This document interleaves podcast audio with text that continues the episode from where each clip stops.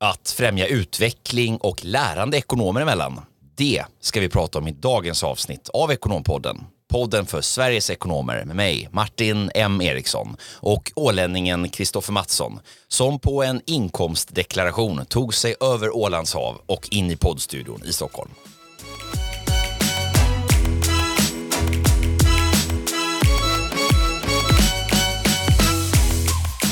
Ja, det är deklarationstider. Blir det någon skatteåterbäring för Martin M Eriksson Det i blir år? skatteåterbäring även för Kristoffer Mattsson har jag fått höra. Ja, det blir det och, och då kan man ju tycka att man egentligen har eh, gjort bort sig. Att man inte har investerat de här pengarna och fått avkastning på dem istället. Men det är ju ett sätt att spara också. Framförallt med dagens ränteläge. Men får man inte ränta tillbaks också på de här pengarna? Ja. Man har liksom, alltså om man har fått tillbaks 30 000 i skatteåterbäring. Får man ränta på den över, inbetalda skatten under det föregående året? Det tror jag inte va? Nej, det, nej det, tror- det får man nog inte. Nej, då är det ju jobbigt. Exakt. Ja. Om man vill optimera, apropå förra, förra avsnittet där vi pratade om eh, Treasury. Ja men exakt, och ska man optimera så sägs det väl egentligen att man ska ligga på liksom, ja, men betala, betala eh, alltså 100 kronor tillbaka ungefär. Att det, då har man optimerat eh, eh, lånandet av statens pengar. Precis, och då, och då tänker jag så här, om man har väldigt mycket räntekostnader då kan man väl jämka också i förväg så att man liksom inte behöver betala in det här. Så är det. Det här är inte mitt expertisområde, det lämnar vi till någon annan, men det låter ju högst rimligt. Mm. Men vi kan konstatera i alla fall att i tider med hög ränta så blir ju faktiskt de här optimeringarna i ens ekonomi väldigt viktiga. Både privat och för företag. Verkligen. Finansiella poster som en liten härlig throwback till förra avsnittet om Treasury. Precis, så för er som inte lyssnat på det och är nyfikna så in och lyssna. Du har varit lite gringubbe idag. Ja men alltså ibland är man ju det. Eh, ibland är man lite tjurig liksom och man är sådär, går runt och är otrevlig och snäser till kollegor och, nej det har jag ju inte gjort men jag blev på dåligt humör när det regnade på mig. Vi spelar in här en, en regnig fredag. Vi och, spelar in den 24 mars idag och släpper ju det här då först ungefär en och en halv vecka senare. Och detta är ju tack vare vår eminenta producent Sofia som numera håller oss i väldigt tyglade och sansade runt omkring allt vi gör och vi har ju en fantastisk struktur på det här nu. Så, Så nu, ligger vi, nu ligger vi i fas. Ja det var ju tungt för att eh, du ska ju iväg till Chamonix och åka skidor så då behöver vi ligga i fas här med inspelningen. Det ska jag. Det ska bli riktigt härligt. En vecka riktigt, riktigt bra skidåkning ser jag fram emot. Eh, få lite sol, värme, eh, nere i byn och kanske upp i backen också. Så nej, det ska bli, bli ett fint säsongsslut och jag reflekterar lite över det att just ändå på många orter eh, i Alperna, det blir ju en kortare och kortare säsong där nere men vilken fantastisk lång säsong vi har ändå i Sverige. Jag tänker att i Åre kan du alltså åka skidor fram till, ja i alla fall fram till påsk har du ganska bra åkning. Även efter påsk, jag tror att systemet i, i Åre stänger den 2 maj. Det är rätt länge. Sen har du varit på jakt efter skalkläder också. Ja, exakt. Det har jag varit. Eh, skaljacka skulle jag köpa en ny. Det var inte lätt att hitta, men jag är lite picky också. Ja, Man vill ju att det ska sitta bra med rätt färger och sen, ju, sen kostar det rätt mycket pengar också så att man vill ju gärna att det ska hålla, hålla några år. Sannerligen. Men jag har blivit sådär lat av mig och beställer allting på nätet nu för tiden. Det låter som att e-handel kom här för en vecka sedan. Det har ju varit ett fenomen ganska länge men, men eh, jag gillar ju att shoppa på nätet ja. Men det, det funkar ju om man har lite tid på sig också. Så är det. Framförhållning är A och precis som den här inspelningen av podden. Och framförhållning också i planering av våra avsnitt. Nu har vi en plan som ligger hela vägen fram till till och med juli faktiskt, är det klart. Vad vi kommer att prata om. Jajamän. Ja, men så är det. Och eh, uppkomsten till det här avsnittet som vi ska prata om idag, hur man kan främja utveckling och lärande bland ekonomer, så, så var faktiskt ett feedbacksamtal som du och jag hade oss emellan. Och eh, kanske också lite passande en sån här dag när man sitter energilös en fredag eftermiddag och ska spela in podd och nu får man liksom verkligen göra sitt allt här för att det inte ska skina igenom. Ehm, vi ska göra vårt bästa, men, men eh, det här med feedback och feedbackkultur och lärande, kunskapsöverföring bland kollegor, relationer mellan chef och ledare, medarbetare och medarbetare, kanske till och med vänner emellan. Eh, det här är väldigt intressant. Det är, så är det. Det är ju en förmåga som vi ska prata om idag. Vi ska ta avstamp i lite olika eh, studier som har gjorts på det här ämnesområdet och titta lite på vad vi kan dra för slutsatser av det Eh, och på vilket sätt man kan eh, ta med sig lite smarta tips och tricks in i sin egen vardag. Oberoende av huruvida man är chef eller inte eller ledare eller inte utan bara att samverka med andra människor på olika sätt och vad man kan ta med sig av det. Så det ska bli spännande. Jag vill minnas att det var en frukostkaffe vi hade du och jag Kristoffer. Vad, eh, vad var det vi pratade om då egentligen? Ja men då pratar vi väl om eh, hur man eh, ger feedback och jag har ju en tendens att vara ganska eh, jag ska inte säga mikromanagerande men lite kontrollbehov, man vet att gör jag det här själv så blir det väldigt, väldigt bra. Men då kan man ju fundera sådär att eh, blir det bra i längden? Det, det tar mycket av min tid och det liksom det smittar ju inte av sig på någon kollega som man vill att ska göra som liksom man vill ju lära och man vill ju lära ut och få någon annan att kanske göra likadant. Om man alltid gör saker och ting själv utan att liksom instruera och lära andra så kommer det aldrig bli så. Mm, precis. Det var ju eh, en specifik, har jag för mig, eh, just som, som du ofta har upplevt, just de här feedbackar, man samarbetar med andra eh, och, och just det här med hur, hur man levererar en feedback så att man, man får en, en utveckling, en vilja till utveckling hos motparten men också just att man, man eh, delar sin kunskap. Och väldigt lätt och vanligt i de sammanhangen är ju om man har ett samarbete två kollegor emellan och man eh, då delegerar en arbetsuppgift eller lämnar ifrån sig ett moment eh, och så får man det här tillbaka och så tycker man det här håller inte den nivån som jag önskar.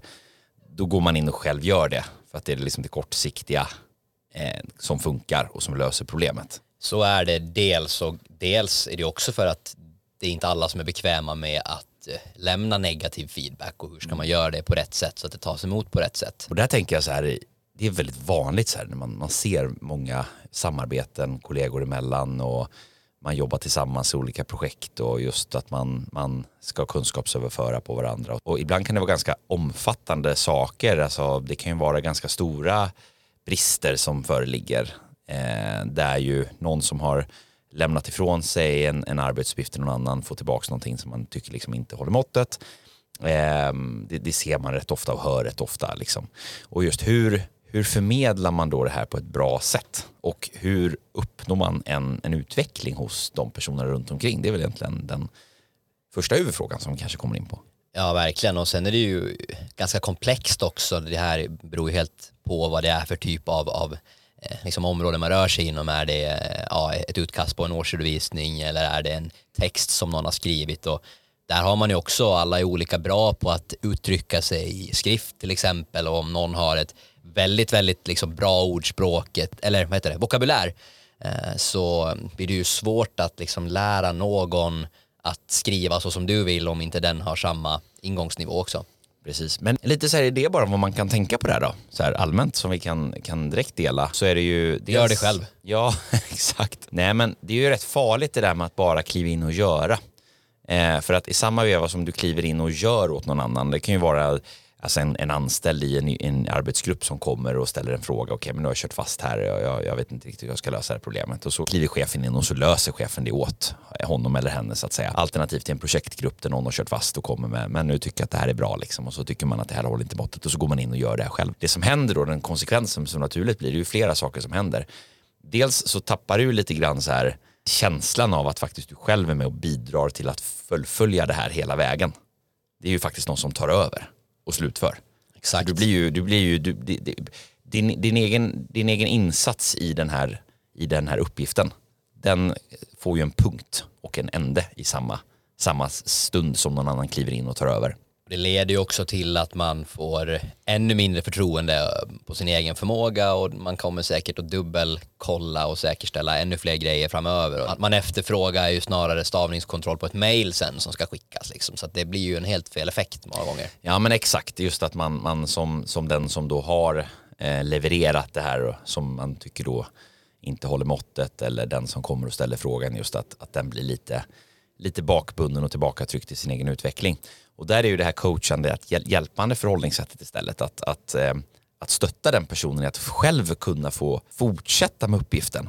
Och då finns det lite olika tekniker och förhållningssätt man kan använda sig av där. Och jag tänker att vi kan börja med att klargöra lite grann eh, synen på att lära och instruera och att eh, coacha och feedbacka någon. Det finns ju två delar i det här. Att dels kan det ju handla om kunskapsöverföring. Att någon kommer med någonting, ett problem eller eh, halvfärdigt jobb och så har de inte kunskapen. De saknar helt enkelt förmågan i någon form. Och då kanske det ibland handlar om att faktiskt kliva in och göra, kliva in och visa eller rent av berätta och tala om i detalj, instruera, gör si, gör så.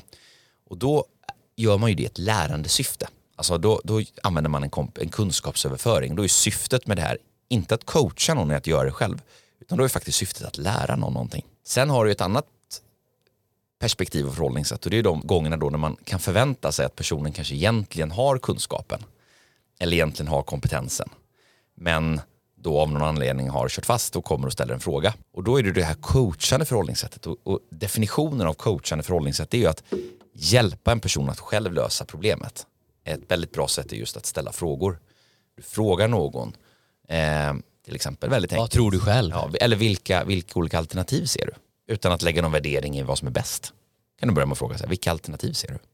Det där är ju också ett stalltips generellt när någon kommer till dig och ber om råd eller ställer en fråga. Mm. Så också för att du ska få lite tanketid, bara ja, du kanske inte har svar på tal så kan du alltid ställa motfrågan, men vad tror du själv? Har du, när du har funderat, vad, vilka alternativ tror du att det finns? Ja, så köper du dig själv lite tid och fundera ut svaret också om du inte redan hade det. Nej, men så mot- motfrågan gör ju att du initierar den tankeprocessen. Och då när man då får en, en kollega som kommer till en, eh, som sagt då med ett problem eller med ett halvfärdigt resultat eller vad det må vara, så tycker jag att då kan man använda sig av de här två förhållningssätten tillsammans. Eh, för oftast behövs lite både och. Det, det vill säga, det behövs dels en kunskapsöverföring, men det behövs också förmågan till att coacha någon att själv fullfölja. Så att just man behåller den här känslan av utveckling och ägarskap. För det finns ju tydligt koppling till och, och resultat. Man har studerat det här med motivationsforskning och så här, som vi ska komma in på alldeles strax. Just att, att, att känna ägandeskap över en uppgift, det är ju en väldigt, väldigt viktig del för att också känna sig motiverad. När du, när du blir fråntagen ditt ägarskap, då tappar du också motivation. Så då kan man göra både och, det vill säga då kan man börja med att instruera någon, ge konkret instruktion eller ge konkret kunskap. Följande behöver du tänka på. De här sakerna saknas därför att. Du skulle kunna lägga upp det på ett annat sätt för att. Och så förklarar man och så kunskapsöverför man. Sen ställer man frågan, bra, så baserat på det här, vad, vad tar du med dig och vad, vad, vad tänker du att du själv ska göra? Och så lämnar man över bollen tillbaks igen. Så man delegerar tillbaks uppgiften, delegerar, delegerar tillbaks själva lösningen. Så det är två steg i det här. Först tilldela, tillför kunskap. Nästa, hjälp personen och ställ de frågorna som gör att de själva med den nyförvärvade kunskapen också kan hitta svaren på hur de ska komma vidare. Och allt det här någonstans bygger ju också på, det kommer vi komma in på lite senare också, med någon, någon form av en, en, en förtro, alltså man, man har en tillitsfull relation och att det är liksom OK att fela, det är OK att försöka och, och liksom göra fel också. Verkligen. Annars kommer jag aldrig våga ge sig in i det där och, och ja, i det okända. Det är också viktigt att man har en bra miljö när man pratar om de här frågorna och liksom främja den här lärandekulturen och, och sådär. Det finns en teori som kallas för självbestämmande teorin. Vad vet du om den? Mm, precis. Eh, Self-determination theory eh, på, på engelska. Självbestämmande teorin. Eh, Ed Deci, en av hjärnorna bakom den här teorin. Det finns något bra, riktigt bra TED-talk också på, på det här ämnet vet jag. Och idén eh, bygger lite grann på skillnaden i förhållningssättet med eh, form av kontrollerad motivation och eh, autonom då eller, eller liksom äkta eh, motivation som kommer inifrån. Och, och för att beskriva de här två perspektiven lite som då skapar en väldig skillnad på, på, på känslan av, av motivation och också då som kopplas till det här med, med coachning och mellanmänskliga relationer så, så är det ändå att, att när man jobbar med någon form av så här kontrollerad motivation då så blir man antingen då förförd så att säga, liksom instruerad att bete sig på ett visst sätt. Eh, genom, eh, genom en viss form av då liksom kanske erbjudande av en belöning eller att man blir tvingad att bete sig på ett visst sätt och genom ett hot om straff är väldigt liksom nedlåsta, styrda organisationer där, där man mäts kanske på väldigt specifika sätt och så vidare. Och man kan i de fallen känna sig Eh, pressa då, att det finns en, en känsla av spänning och ångest. Eh, det kan få negativa konsekvenser då ehm, om, om, om man gör fel. Exempelvis då är ju att ja, men om jag inte levererar den här uppgiften på ett korrekt sätt som, som, som gör att jag får ett, ett positivt gensvar så är det dåligt för mig.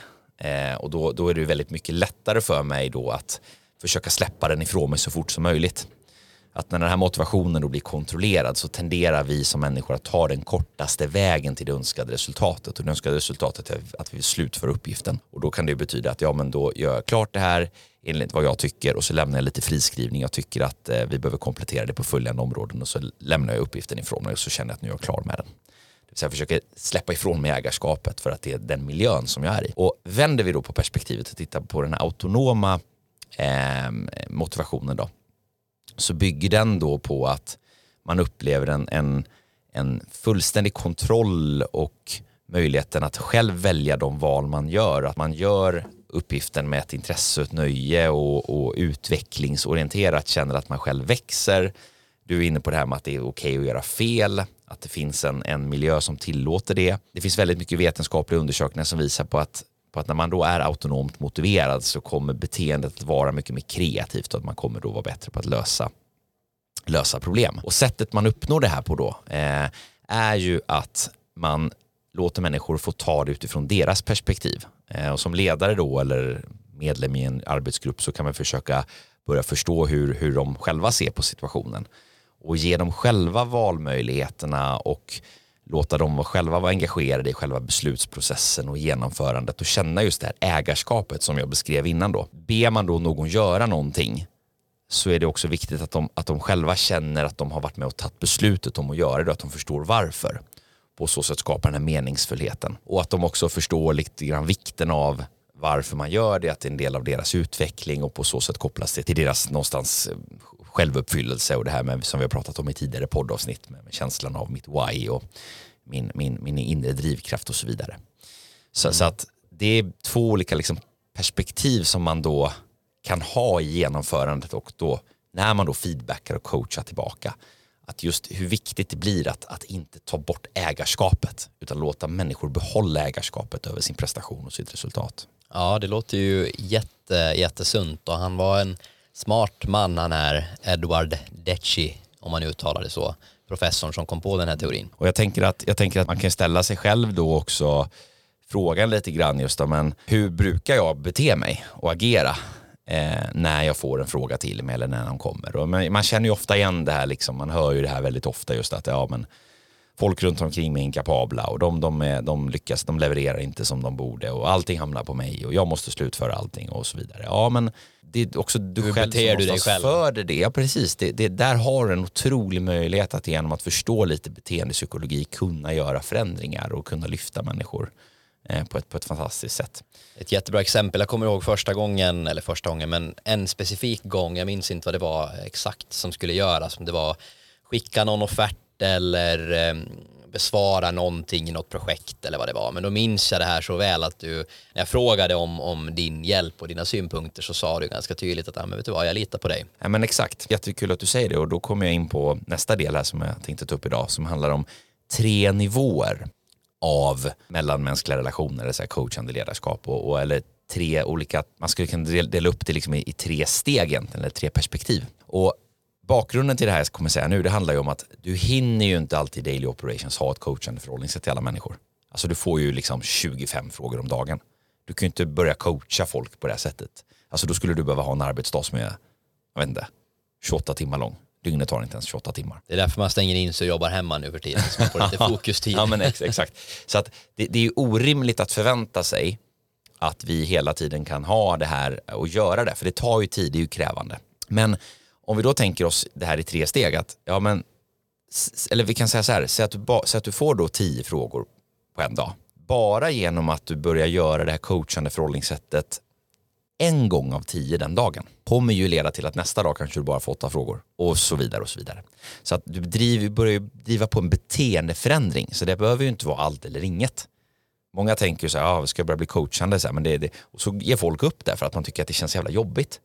Det räcker ju att göra det en gång av tio, en gång på femton. Det går förvånansvärt snabbt också. Jag har ju liksom börjat tillämpa den här eh, mm. tekniken lite på, på egen hand nu mm. och just så här släppa mina kontrollbehov och använda samma mm. fras egentligen. Att vet vad, jag litar på dig helt och fullt. Mm. Eh, du hanterar det där och, mm. och, då slipper man ganska mycket frågor och det visar sig att det funkar ja. ganska bra ändå. Ja men exakt, och, och då titta på det med tre steg då som jag är lite inne på. Att, att första steget när någon kommer med en fråga som är kanske det här reflexmässiga då, det är att svara på frågan. Och då tillämpar du det här liksom att då, ge, då ger du någon svaret. Du, du löser problemet åt dem. Och det behöver du oftast, det behöver man göra ganska ofta för att någon frågar dig någonting. Det är liksom daily operations grejer. Du måste bara lösa det och du har inte tid att ha coacha utan du behöver snabbt ge någon ett svar för att komma vidare. För att den personen ska komma vidare och du ska komma vidare. Eller återgå till det du gjorde innan. Och det är liksom första nivån. Andra nivån, det är ju det här coachande förhållningssättet. Där kliver du in, där kanske du behöver blanda kunskapsöverföring som vi var inne på, att instruera, berätta, tala om med ett coachande förhållningssätt där du ställer frågor och låter individen själv komma fram till svaret. Tredje nivån, precis som du exakt var inne på nu, det är ju när man vet om att jag behöver inte ens ställa frågan till dig, jag behöver inte coacha dig där, jag vet att du har svaret och verkligen pusha tillbaks. Ehm, och det kanske inte handlar så mycket om en specifik utmaning utan det kan ju handla om den här känslan av att man vill ha man vill få dubbelcheck på allting. Man vill, man vill, man vill liksom att någon annan ska hjälpa till och kolla så att man inte har missat någonting. Och det här främjar ju utveckling och det framförallt krävs ju också en miljö av förtroende mm. och liksom tillit att vet du vad, jag vet att du löser det här och du har svaren, bara du vågar göra det. Och släpper man på det några gånger så kommer det ju verkligen att ge stora resultat. Ja men exakt. Och, och det är just att det, det som händer är att du visar på att jag litar på dig och du, du flyttar tillbaka ägarskapet. Och vad händer hos dig då? Vad är det som händer? Vad är det instinktiva som, jag, när, jag, när, jag, när jag svarar det på det sättet? Vad är det som händer? Ja, då är det lite stress först. Ja, och sen? Eh, ja, sen agerar man ju och kör på enligt eh, ja, bästa förmåga. Ja, men du blir mer aware också. Mm. Eller hur? Det För det finns ingen som backar dig. Så är det. Du vet om att du har en chans, du kommer inte ha någon som, som backar dig. Och det är ju precis som det här med tydlig förväntansbild också. Ja. Man ska ja, förväntar sig ett utkast på ett arbete eller vad den kan tänkas vara, att vara tydlig att men det här ska vara så, så, så färdigställt som möjligt. Liksom. Och inte så här, det blir ju lätt då att man, det kommer tillbaka någonting halvfärdigt för att man kanske är van och bekväm mm. vid att ja, men, personen gör ändå klart det här sen innan, eh, innan det skickas iväg vidare till exempel. Ja men exakt, så där är väldigt bra att ta med sig det perspektivet också och, och eh, fundera över lite hur man själv beter sig. Ja, tidigare har vi ju pratat om det här med mindset och att man ska ha ett infinite mindset snarare än ett finite mindset. Och det finns också en annan term som, som heter fixed versus growth mindset. Eh, och det var väl egentligen en professor vid Stanford, Carol Dweck, som, som började prata om det här i samband med forskning inom motivation, utveckling och, och personlighet. Och vi har ju pratat väldigt mycket om ett growth mindset och att det någonstans kommer vara nyckeln framåt i ja, i rekrytering, i lärande och, och, allt vad det är i dessa föränderliga tider. Exakt. Och poängen med det här handlar ju om att just att, att individer som har tonvikt på det fixed mindset är rädda för att misslyckas eh, för att det är en negativ återkoppling på deras förmågor medan individer med ett growth mindset inte är rädda för misslyckanden i samma utsträckning utan ser det som en, en, en möjlighet till lärande och utveckling. Ehm, och skillnaden då på fixed growth är ju liksom till exempel att ja, men, fixed mindset att man bestämmer sig, eller man, man har uppfattningen att men det här är jag inte bra på det här så att jag låter bli. Kontra ett growth mindset som då snarare, okej okay, men vad behöver jag, eh, vad behöver jag lära mig mer för att kunna, kunna utföra det här? Eh, eller att fixed mindset, eh, nej det här, är, det här är svårt för mig att göra. Medan ett growth mindset är, ja men det, det, jag kan lära mig det här, kanske tar ett tag. Det kommer att vara tufft men jag, jag vet att jag har förutsättningar att, att kunna, kunna växa in i det. Rent krast så kan man ju nästan likna det med att om glaset är halvfullt eller halvtomt. Ja men exakt, det är lite olika liksom, sätt att se på saker. Och, eh, Dwex-forskning i alla fall visar ju då att, att individer som tror på deras talang och förmågor att utvecklas, de tenderar också att uppnå mer än de som har en tonvikt på det här ett fixed mindset där man saknar eh, tron på utveckling. Eh, och konsekvensen blir helt enkelt att de här individerna som då utvecklas helt enkelt de lägger mer energi på att lära sig mer saker och, och tillskansa sig ny kunskap för att man, man tror på det. Och samma sak här då, men hur vi som ledare kan främja den här miljön men också hur vi bara mellanmänskligt kan, kan titta på hur vi kan bete oss eh, mellan varandra eh, i, i ett kollegialt samarbete för att faktiskt främja individers utveckling. Och det, det fantastiska med det här är att det går ju fortare än vad man tror det går ju så himla, så himla snabbt. Oftast så finns det så mycket potential och förmågor i en människa bara att det inte är fram, framplockat.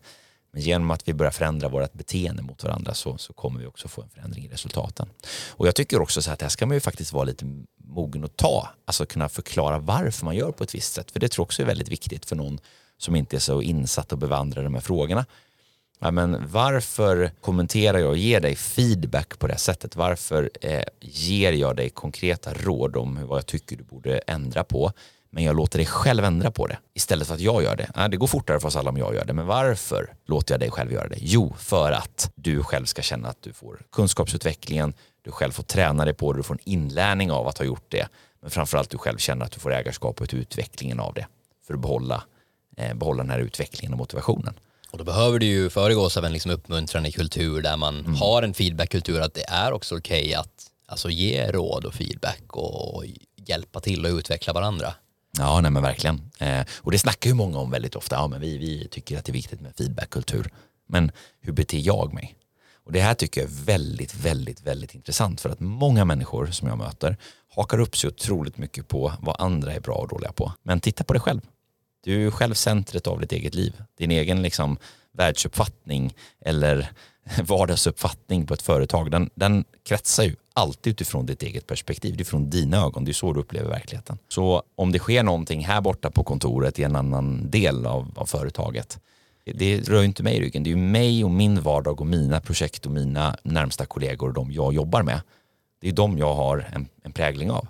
Och kan jag då börja förhålla mig till dem på ett annat sätt som gör att jag kommer att få en annan input tillbaks, ja men då har jag ju främjat en feedbackkultur runt om mig. Och det, det är samma sak där, ta ett ägarskap över det istället för att, att fokusera så mycket på vad andra gör eller inte gör. Ja, jag tycker det är spännande här med feedbackkultur. Jag tänkte faktiskt ta en liten anekdot också. Jag som är från, från Åland och stolt IFK Mariehamnare eh, så vill ju lyfta fram bragden i Mariehamn år 2016 när fotbollslaget då vann den finska högsta ligan i fotboll. Mm. Och där var ju väldigt mycket jobb med de här perspektiven som du berättade för mig. Ja, nej men exakt. Det är ju liksom en, en, eh, en liten ö på 30 000 invånare som slåss mot storstads Helsingfors eh, som har ja, 10-20 gånger så mycket mer pengar och, och, resurser att lägga på spelare och, och sponsorering och, och allt möjligt sådant. Och det var väldigt intressant det året. Man jobbade liksom med kontinuitet i den här truppen och lyckades behålla samma spelartrupp under flera, flera år och byggde och jobbade extremt mycket på gruppdynamik, feedbackkultur och utveckling av liksom både individerna och spelarna men även då eh, den här gruppen som, som individer i gruppen och allting från liksom att eh, hur uttrycker man sig, alltså rent kroppsligt på planen, i omklädningsrummet mm. eh, och den här klassiska då, men det krävs fem positiva eh, feedback-grejer på en negativ och liksom hur man jobbade med det här under flera, flera års tid och mm. ganska intressant hur man kan uppnå, det här fungerar ju i i team i alla organisationer också, hur man kan liksom göda en sån här eh, positiv främjande feedbackkultur. Ja, verkligen. Och det finns ju en del forskning som understöder det också, just det här med att väva ihop då positivt och negativt. Ja, Sandwich-metoden är väl någonting jag läste om här, någon forskare eh, i, vid universitetet i Texas som hade gjort någon studie på hundra bankanställda och, och det fanns ju någon teori då om att så här, om man väver in man, först ger man en positiv kommentar och sen en negativ kommentar och så avslutar man med en positiv kommentar. Och det här var ju väldigt, väldigt omtalat då att ja, men är det här rätt eller, eller fel då? Men, men då kom man väl fram till i den här eh, studien att de som fick positiv återkoppling var mer benägna och mottagliga att faktiskt ändra sitt beteende istället för de då som fick den här kombinationen tappade ofta fokus och, och man såg tendenser att man varken tog till sig det positiva eller det negativa. Just att det blir lätt så här, men nu kommer Martin igen och ska säga någonting trevligt om mig, men då vet man att det kan komma någonting dolt budskap där bakom också så blir man att man tappar fokus på allt du egentligen säger. Så det här är ju väldigt komplext liksom. Hur ska man framföra faktiskt feedback och kritik till sina medarbetare? Ett sånt bra sätt det är ju att liksom börja installera en, ett perspektiv i ens kultur med att faktiskt be om och fråga om feedback och hur man vill ha den och när man vill ha den. Ja, exakt. Och återgå till just det här med, med självbestämmandet, att känslan av att jag själv äger min utveckling och äger min förändring och hur man kan uppmuntra människor till att ta det här ägarskapet just genom att då på eget initiativ oftare fråga om feedback. Då blir det ju så mycket lättare att ge den också, även om den är tuff och, och, och kritisk. Alltså, om du uppmuntrar till, till faktiskt en, en kultur där, där man själv frågar vad andra faktiskt tycker i de områden och stunder där det ju är relevant att fråga. Och det är mycket enklare att vara konkret också än att det blir det här, ja, men bra jobbat i det här projektet, ja men exakt vad mm. var det mm. som jag gjorde bra? Ja men exakt, men ofta ligger ju den här feedback-kultursdiskussionen på att vi ska bli så duktiga på att ge. Och det är ju, har vi också pratat om idag, det var egentligen det vi började med, hur du, hur du ger och hur du faktiskt också kan coacha och, och, och, och ge kunskap och, och, så vidare på, på vilket sätt man gör det och förklara varför och sådär. Men kan vi också då tillföra lite av den här förmågan att folk börjar fråga om det, då skapar vi också en grundläggande motor, dels där vi faktiskt frågar oftare om det och uppmuntra till att få höra vad andra tycker. Och dels så skapar vi också en ökad mottaglighet därför att då blir det ju på beställning av någon som frågar om det. Och då är det såklart att då blir man ju naturligt mycket, mycket, mycket mer mottaglig än att det bara kommer från någon. Så är det och så undviker man det här klassiska som ju jag tror alla egentligen stör sig på att man bara hör när man har gjort någonting som kanske inte var speciellt bra. Mm. Så länge allting flyter på och man kommer i mål med deadlines och alla rapporteringar, årsbokslut och projekt som man väver i mål och går och eventuellt firar med en middag men, men det är ju väldigt, väldigt ofta som när det, man stöter på patrull så då får man höra det vilket ju kan tyckas vara ganska tråkigt men om man också själv skulle ta lite ansvar över att faktiskt efterfråga och inhämta feedback kontinuerligt så skulle det underlätta för, för både ledare och medarbetare mm. i det mm. avseendet. Precis, och ehm, då kan man ju eh, testa att göra det en gång att man, man implementerar en, en, en, aktivitet i det här. Man säger så här att ja, men varje gång vi har kommit i mål med ett, eh, en arbetsuppgift eller projekt eller vad det nu än är så, så ska den personen som, som till exempel ansvarar för det ställa frågan till sina teammedlemmar eller sin närmsta kollega. Vad, vad har du för feedback att ge, ge till mig och vad tycker du vad jag skulle kunna göra bättre? Och börja träna på det här. Träna på att folk själva börjar fråga om det. Det blir både lättare för någon att ge och man själv tar, det, tar till sig på ett bättre sätt. Och det främjar ju också sin egna personliga utveckling. Man brukar ju prata väldigt mycket om det här med reflektion, kanske varje vecka, varje månad. Vad har jag gjort bra? Vad hade jag kunnat gjort bättre? Och, och sådär och redan liksom bara öppna upp den diskussionen, både med sig själv men även då med, med kollegor och medarbetare. Och det tränar också, eh, det är en exponeringsövning som tränar människor för att, eh, för att göra sånt som är lite skrämmande ibland. För att det, det tycker ju en del är lite skrämmande att höra vad andra tycker. Kan man då hantera den rädslan så blir man ju än mer trygg i att faktiskt kunna stå upp när det blåser lite också. Och när vi ändå pratar om det här med att feedbacka eh, sig själv så, så skulle vi kunna göra en praktisk övning här oss emellan. Men jag tänkte börja med att feedbacka mig själv här nu att jag ändå genom, eller avklarade det här uppdraget att sitta i studion med energi och prata om positiv feedbackkultur trots att jag var lite tjurig när vi klev in i studion. Mm. Mm. Bra, vad tycker du att jag gjorde bra Martin? Jag älskar att du frågar om positiv feedback också. Inte vad du kunde gjort bättre. Nej men eh, jag tycker att eh, du, eh, det du gjorde bra var att du, du hakade på idag. Det gjorde du väldigt bra Kristoffer. Du var tydlig med att du var lite tjurig och, och förklarade varför, att det hade med vädret att göra. Då kunde jag bara skratta åt dig på ett fint sätt. Tackar, tackar. Vad tycker du att jag kunde gjort bättre idag? Mm.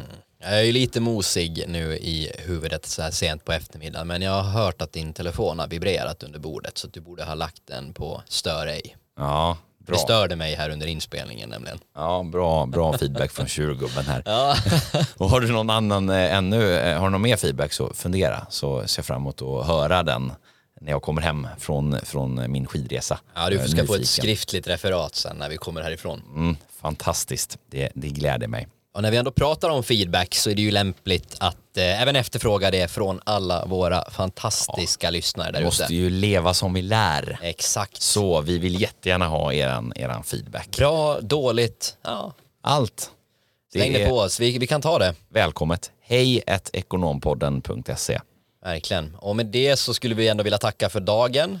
Ja. Eh, för att ni har lyssnat. Tack så jättemycket för att ni har lyssnat. Eh, Ekonompodden eh, som är en del av Talents of Sweden där både jag och Kristoffer jobbar och hjälper företag och ledare med rekrytering och konsultlösningar nischat inom ekonomi.